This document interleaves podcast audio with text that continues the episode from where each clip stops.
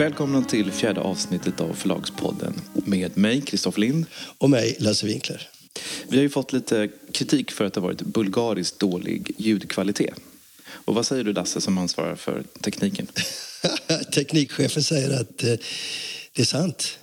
Men eh, vi har, eh, som det heter på teknikspråk, mastrat om de tidigare avsnitten och lägger ut dem eh, nu här i, mitten av juni. Så om du inte har lyssnat på de andra avsnitten för att du tyckte det var för dålig kvalitet så är det väldigt bra kvalitet nu. Mm. Och eh, idag är du lite förkyld men det kan vi inte göra någonting åt. Nej. Ett ämne som eh, man ogärna talar om som förläggare det är ju misstag och refuseringar. Alltså böcker som man tackar nej till som sen blir enorma framgångar. Men det ska vi tala om idag. Ja, och jag ser fram emot detta. Jag har ingen aning om vad du ska säga. Nej, jag har ju några stycken naturligtvis på mitt samvete. Och det har alla förläggare. Det är nämligen så att eh, man... Eh, jag, tror att, jag tror att det är Per Gedin som har sagt det, det är ganska kul. Att eh, som förläggare har man ett ganska stort mandat att göra misstag. Man får göra fel till 49 procent, bara man gör rätt till 51 procent. Jag kanske ska säga det då, att Per Gedin är en, en klassisk eh, förläggare som numera sedan länge är pensionär. Ja, nu är han författare. Men eh, onekligen är det så att man eh, att alla författare och alla förlag gör enorma misstag. Eh, och det beror ju helt enkelt på att det går inte att säga att en bok kommer bli mer, att vissa böcker kommer att bli stora succéer eller mer framgångsrika än andra. Sen kan det ju också vara så, även om det inte riktigt, alltså de riktigt stora succéerna, de riktigt stora försäljningsframgångarna, de kan ju ett förlag aldrig skapa. Utan de, de är liksom på något sätt, de bara kommer. De, alltså de här stora internationella Harry Potter, Dan Brown. Det är inte någon eh, marknadsavdelning som sitter och liksom lurar och klurar och kommer fram till detta. Utan det är liksom, det är, det är böcker som bara exploderar. Av sig själv så att säga? Av sig själv. Ja. Och det där är ju, eh, det, det, de är liksom fenomen. Ja. Och att ha sagt nej tack till ett sånt fenomen, det vill man ju inte ha varit med om. Nej, men vi har ju faktiskt sagt nej till 50 Shades. Eh, och det, eh, det är någonting som man har räknat på i efterhand och kommit fram till att det hade, det, då hade jag ju kunnat pensionera mig vid det här laget om jag hade givit ut dem. Men varför sa du nej? Ja, alltså det var... Eh, så här var det, jag, jag, läste dem faktiskt inte. Utan det här var också, det här var 2011 och eh, nej det var 2012. Och jag befann mig i London. Jag hade nämligen tagit ett sabbatsår för att jag skulle läsa en master i modern history. Och jag jobbade naturligtvis, men jag läste inte manus. Och då så mejlade min kollega Un Palm eh, och sa att nu har det kommit något eh, erotiskt här. Och det tänker inte jag läsa, det får du läsa. Hon är ju god. Ja, och då så sa jag så här, nej, sa jag. Jag sitter i Demon Library och håller på med helt andra saker. Jag har absolut ingen lust att läsa den smörjan. Och då så sa hon så här, ja, men det är tre, man måste köpa alla tre böckerna, men jag kan börja läsa lite grann. Och så började hon läsa. Och till saken hör att vi har ju haft en utgivning av erotisk litteratur. Och eh, det här var verkligen inte bra tyckte vi. Och hon, läste, hon, sa, hon kom tillbaka med mig och sa nej men det, är, det, här, det här är riktigt tråkigt. Det, man får läsa fram till 100, sidan 150 innan det kommer något sex. Och det finns ingen, överhuvudtaget ingen handling. Och språket ska vi inte tala om. Så hon tackade nej. Och det här var i februari 2012 eller någonting sånt. Och sen så gick det några veckor. Och eh, jag var på en fest där alla talade om 50 shades. Och sen när jag åkte hem på tunnelbanan så såg jag att det var liksom stora affischer på 50 shades. Och så började jag googla lite grann och så tänkte jag, var inte det här manuset som vi tackade nej till för några veckor sedan? Eh, och så liksom fick jag, då hade jag förstått bakgrundshistorien. Nämligen att det här har varit superfenomen, att alla talade om det och så vidare. Så att jag gick hem och mejlade und och sa jag tror vi kanske ska köpa det här ändå. Och då så mejlade hon agenten Sam Attenborough som sa det är sålt till Norstedts för några dagar sedan. Mm. Men då ska man också veta att det låg ute rätt länge till försäljning. För att det smällde till i USA som en eh, självproducerad bok, ja. egenproducerad bok. Och jag vet att jag var på Bokexpo det året där hon pratade om detta. Och då hade Random House köpt det. För att de hade sett hur mycket hon hade sålt utav detta. Jo, det, var, det låg ute ganska länge men när det väl slog till så gick det väldigt, väldigt snabbt. En intressant reflektion man kan dra kring det här är ju att de här böckerna är ju inte på något sätt unika. Det finns ju massor av liknande böcker Eh, hennes språk är inte fantastiskt, hon är ingen stor stilist, men hon är inte heller, rent dramaturgiskt så är böckerna förvånansvärt långsamma liksom, i sitt berättande. Så det finns egentligen ingenting i de här böckerna som i sig är magiskt. Men det blev en sån... De blev, det blev en, blev en historia kring böckerna. För hon hade givit ut dem själv. Hon hade gått till 18 förlag eller någonting sånt. Alla hade tackat nej och så gav hon ut dem som e-böcker på Amazon och det bara exploderade. Och sen så fick hon ett förlagskontrakt med ja, Random House. Random House. Och sen så, sen så blev det denna gigantiska succé. Som alltså blev en sån stor succé så att till och med liksom Eh, tillverkningen av fabriken i Tyskland som gör sexleksaker fick gå på nattskift för att liksom, det här drog upp en hel industri. Eh, och då har man ju kommit så långt att det har blivit ett fenomen och då spelar det inte längre någon roll vad det är för kvalitet på texterna. Eller om, eh, det, det, liksom, det, är bortom det, utan det har blivit en, en, en, en bass som är så gigantisk så att alla ska springa på den. När vi tackade nej så förhöll vi oss inte till den här bakgrundshistorien för vi hade den inte, utan vi, vi förhöll oss bara till texterna. Och det låter kanske lite cyniskt att säga att vi bara förhöll oss till texterna. För det kanske man kan tycka att alla förlag alltid måste göra. Men så är det ju inte. Utan man måste ju alltid se till ett större sammanhang. Har du någon mer sån där intressant eh, refus? Som du skäms över? Nej, men Eller 50 Shades skäms jag inte över. Det var ju väl, på ett sätt kan man säga att 50 Shades var en, en hederlig refusering. Vi tyckte boken var dålig. Men eh, jag har en annan refusering som, som jag naturligtvis tycker tråkighet jag gjorde. Och det var Mats-Erik Nilsson som eh, ju har skrivit ett antal otroligt framgångsrika böcker som handlar om fusket med maten. Och eh, han eh, mejlade mig, när det nu var, det var ett, ganska många år sedan, eh, ett antal artiklar som han hade publicerat i Svenska Dagbladet som handlade just om matfusk. Och sa att han funderade på att arbeta om de här artiklarna till en bok och eh, frågade om vi var intresserade. Och då svarade jag ganska snabbt att eh, det var vi inte. Eh, och då hade vi givit ut en bok som hette Bantningsbluffen av Anna-Britta Ståhl som var en, en bok som skulle som kritiskt granskade olika former av dieter. Det var Atkins och det var LCHF och sådär. Både ur ett medicinskt perspektiv och även ur andra perspektiv. Och så och den, det var en bok som hade fått jättemycket uppmärksamhet eh, och sålt absolut ingenting. Och jag kände att det här kanske var samma sak. Liksom, att det var, det var liksom, eh, någonting väldigt bra som riskerade att, att rinna ut i sanden. Så jag svarade honom nej, det här, det, här, det här är beundransvärt och angeläget och bra och intressant men vi får tyvärr tacka nej. Jag tror att boken blir svårsåld. Och, och den boken, jag kommer inte ihåg den exakta siffran nu, det var den som blev Den hemlige kocken tror jag den hette. Eh, men jag tror att den sålde något gigantiskt. Eh, 200 000 inbundet eller någonting sånt. Räddade Ordfront som då hade lite ekonomiska problem. Eh, och han mejlade mig sen och berättade, nu trycker vi till 50 tusendet och sen så, kommer du ihåg vad du skrev? Den här boken blir nog svårsåld.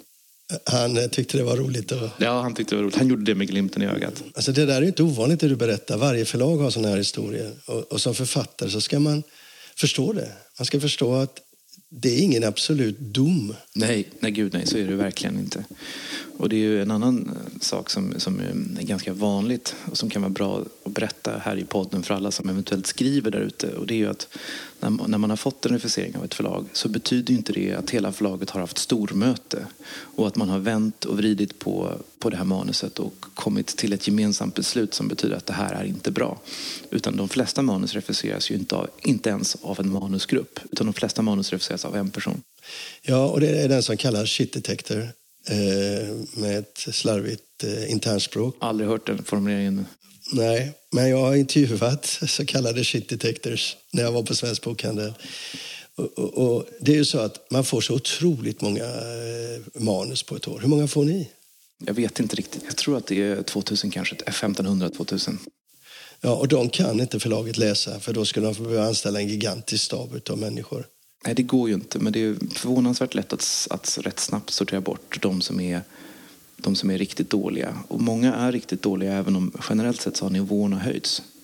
Men det, det blir intressant. Låt oss återkomma till det strax hur man gör när man får ett manus. Men jag ska bara berätta för folk som kanske inte vet det då att man har alltid någon person, eller normalt har man någon person som börjar läsa och rensar ut det första.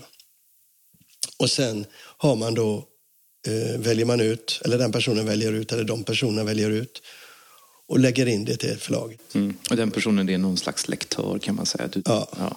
Och sen så, sen så väljer man ut det, sen så går det manuset vidare.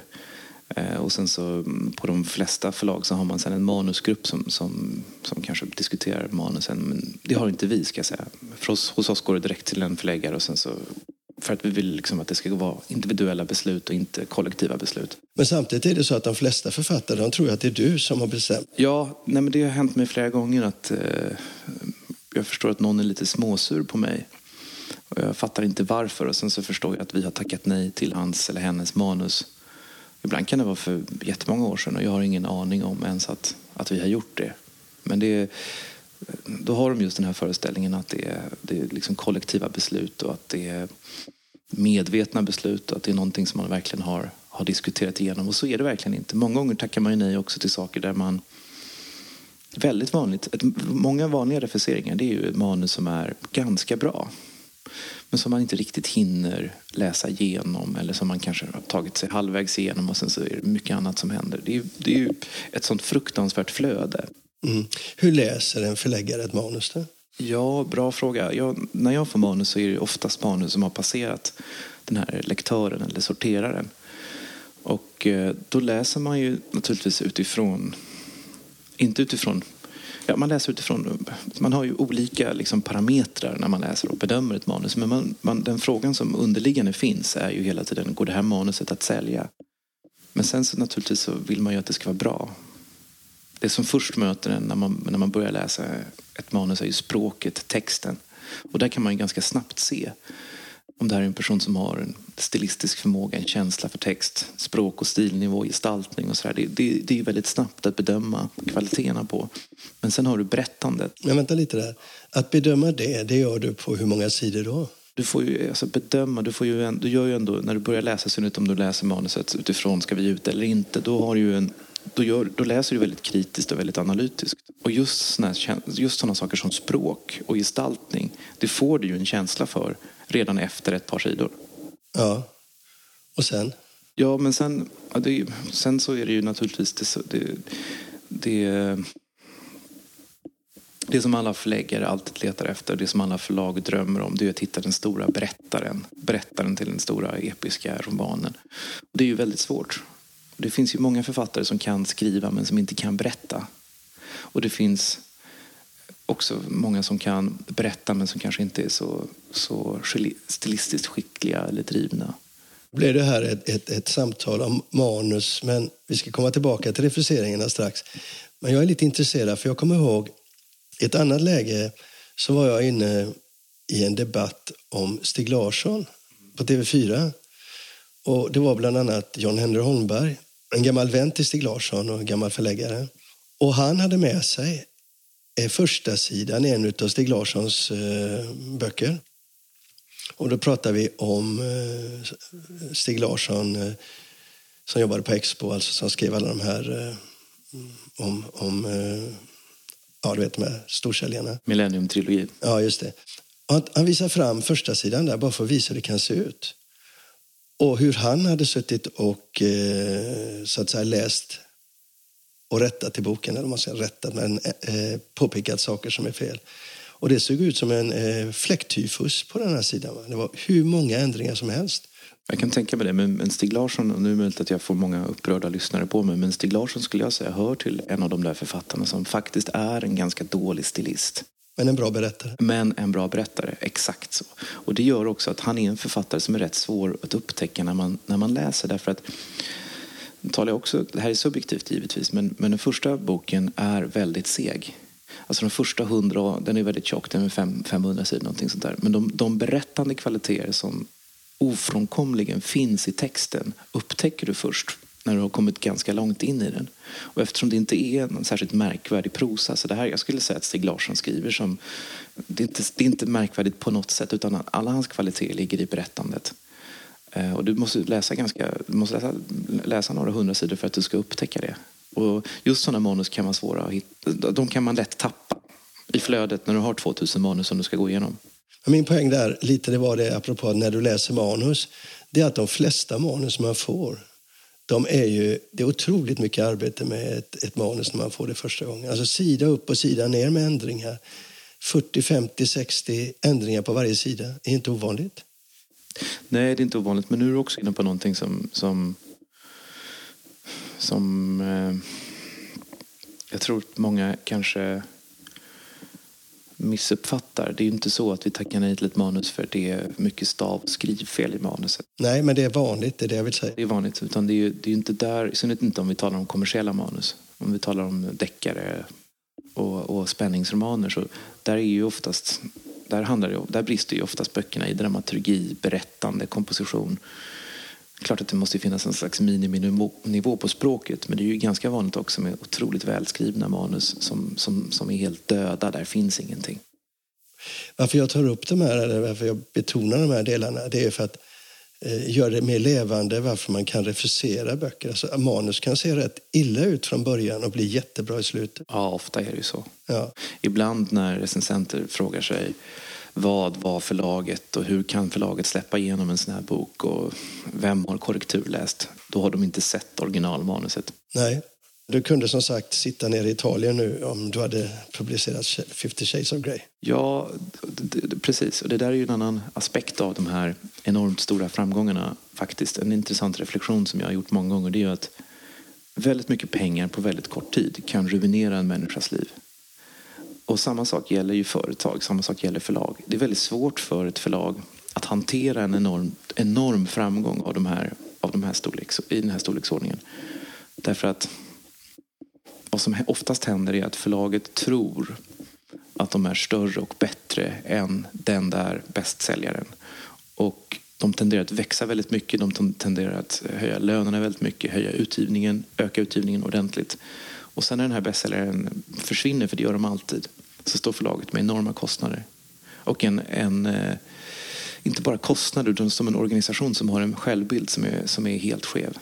Det finns många intressanta exempel på detta. Norstedts kanske är ett sånt. Eller var ett sånt, får man kanske säga. För Stig. Larsson var ju... Det var ju en sån stor framgång så att det förändrade ju förutsättningarna för hela Norstedts förlagsgrupp.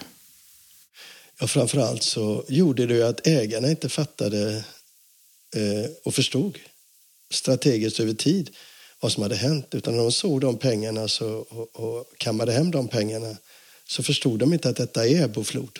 Att det hela tiden är så för ett förlag. Nej. Och utan att ha grottat ner mig allt för mycket i, i eh, Norsets gamla årsredovisningar så, så kan man väl ändå se, se att bara utlandsintäkterna stod för en väldigt, väldigt stor del av, av eh, hela, hela vinsten, om inte, om inte 100 procent, under några år.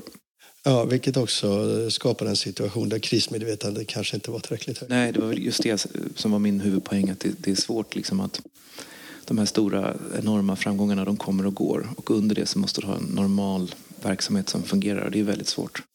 Några som är väldigt bra på det och som lärde mig rätt mycket om det där men som också fick kritik för det, för omvärlden fattade inte. Det är Piratförlaget. I och med att de hade ett antal bästsäljande författare så varje år när de kom ut så låg de på 100 miljoner. Men när de inte kom ut så låg de på 50. Och, och, och analytiker så förstod inte utan de trodde att de hade haft ett dåligt år. Men, men Piratförlaget visste exakt vad det var och byggde inte en organisation som, som var större än vad de behövde och hade inte en självbild som var fel. Nej, du har rätt. Pratförlaget är, är ett, i det här sammanhanget ett unikt undantag. Ett väldigt intressant undantag. Ja. Ett annat exempel som på ett förlag som fick välja problem efter att de hade haft eh, en författare som var, blev otroligt stor. Det är ju Ordfront efter Henning Mankel. Där har du exakt samma problematik. Alltså Henning Mankel stod för en sån otroligt stor del, inte bara Nordfronts vinst utan hela förlagets omsättning. Och förlaget växte så det knakade. Man köpte Grönköpings veckoblad, Lyrikvännen, hade näst största monten på Bokmässan och sen blev det ju total katastrof. Vi slutar där. Vi lär återkomma till den här frågan fler gånger.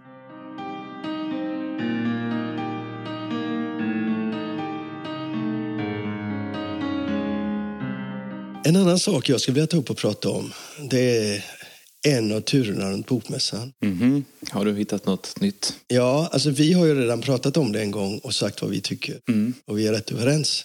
Så vi behöver inte tjata om det. Men jag läste nyligen en artikel i Sydsvenskan där Daniel Sandström uttalar sig. Mm -hmm. Och jag får inte ordning på... Eh, jag har läst det där och jag läste det där så undrar jag varför han överhuvudtaget går ut så hårt som han gör. Vad är det han säger då? Ja, de frågar honom då, eh, det är två citat som jag ja, kan, han kan ju vara felciterad, men då borde han ju ha redan sagt till, för det här är ett par veckor sedan. Så här säger han. Det känns som om det inte riktigt bottnar i de här frågorna. Man gömmer sig bakom juridiken. Och det är då Bokmässans ledning. Och de här frågorna, det är ju de här turerna, nya tider och så. Och framför allt Bokmässans motivering varför nya tider finns där. Och så säger han också på ett annat läge, ett annat citat alldeles efter, så säger han så här. Vi kommer att åka dit i år och värna för det vi står. Men jag hoppas fortfarande att Bokmässan tänker om. Och det är inte så mycket att prata om. Men så säger han, vi kan inte ha den här situationen varje år där hela mässan kapas av nya tider. Ska vi ha det här samtalet nästa år igen så är ingen anledning att fortsätta åka dit. Jag tror det blir svårt för mässan att fortsätta så här. Och det där jag inte riktigt förstår. Är han, är han bara obetänksam när han säger de här sakerna? Eller är han väldigt medveten om vad han säger? För det är ett maktspråk som du inte ser i, inom kulturvärlden. Fast det är väl just detta maktspråk som ja, hela tiden ger näring åt debatten om Bokmässan och Nya Tider. Därför att om de stora förlagen gick ut och sa att vi, vi är bekymrade men vi har en dialog med mässan, vi tycker att de hanterar det här bra, vi kommer att medverka, mässan ska finnas kvar, vi står orubbligt fast vid vår medverkan. Då hade ju den här, hela den här diskussionen dött. Ja. Men den får ju näring som alla drev Ja. av att någon kan falla. Och vad han säger där, i alla fall om man ska tolka det, Eh, det är ju att om Nya Tider är med nästa år, då kommer inte Bonnier vara med. Nej, och då tänker jag så här. Ja, det är väldigt tydligt ett maktspråk där han säger så här. Gör som vi säger eller så kommer inte vi. Och så räknar han med att Bonniers är så stora så att de kommer att rätta sig. Och han fattar egentligen inte varför de inte har rättat sig redan. Va? Men det där är ju... På, om han hade varit diplomat så hade han fått sparken. För nu har han inget längre något utrymme. Han kan inte be om ursäkt för det han har sagt. Han har inget utrymme att förhandla för han har redan sagt gör som vi säger eller försvinn. Och han har en, en av de starkaste positionerna inom bokvärlden i Sverige idag. Nu tolkar vi bara ett eh, citat. Ja. Som du säger, han kan vara felciterad och sådär. Men det är väl även så här som Naturkultur och eh, Håkan Rudel, som Almgren på Naturkultur också har. Alltså det har funnits i hela diskussionen så har det funnits ett eh, underförstått hot att om inte situationen blir bra eller löses så kommer vi att överväga vår medverkan. Så har väl alla sagt. Och så har man rätt att säga.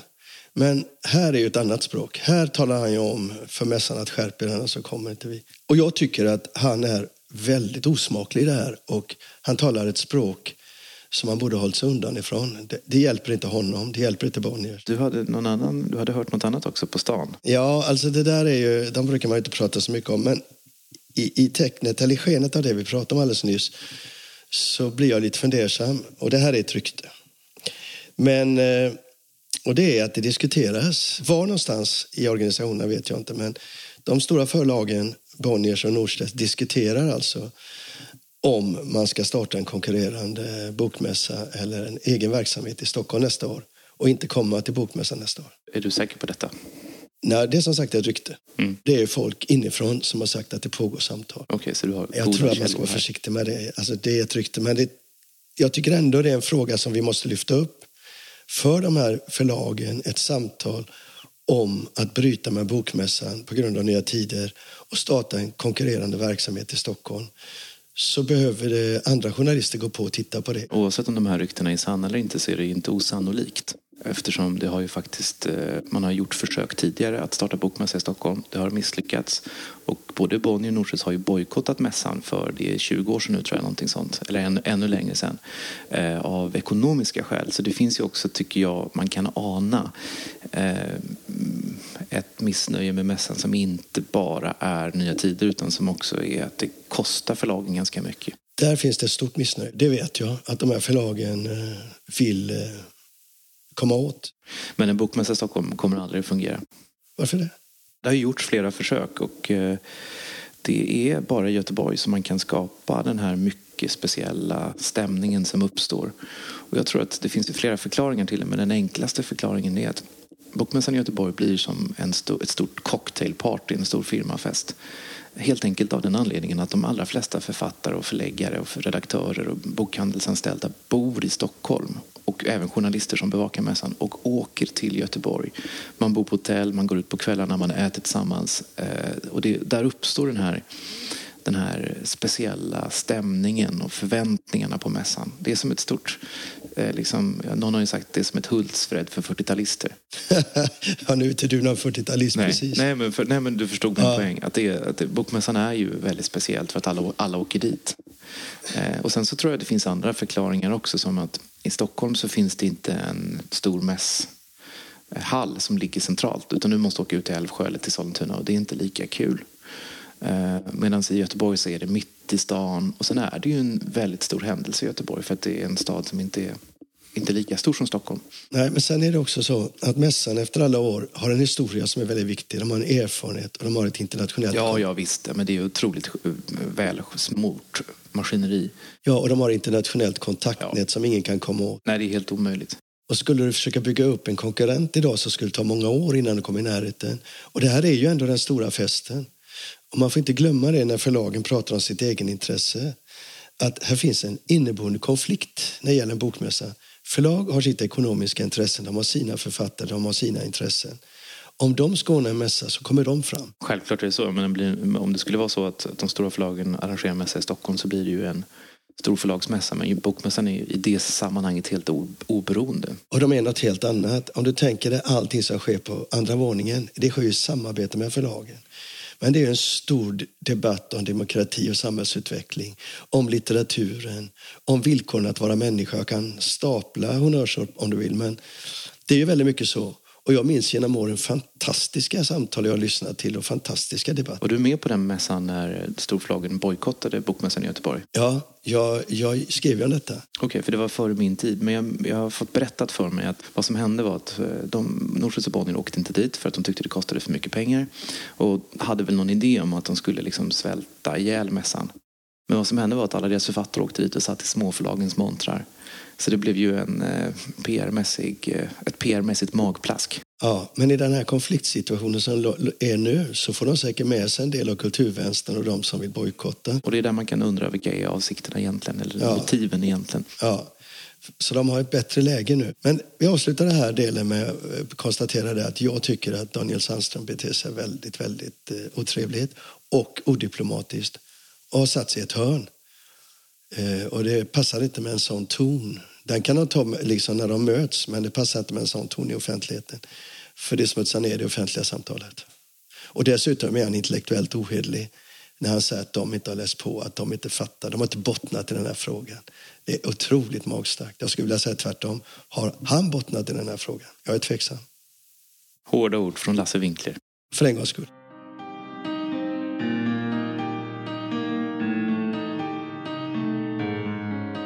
Ja, det är dags att eh, runda av här eh, detta avsnittet av eh, Förlagspodden, det fjärde. Vi kommer att göra ytterligare ett inslag, nummer fem, innan semestrarna, eller kanske mitt i semestrarna. Ja, och det passar ganska bra, för då kommer vi prata en hel del om ljudböcker. Och vad gör man på sommaren när man ligger i hängmattan? Jo, man lyssnar på en ljudbok. Okej. Okay. Ha, ha det så bra tills vi ses igen. Hej då!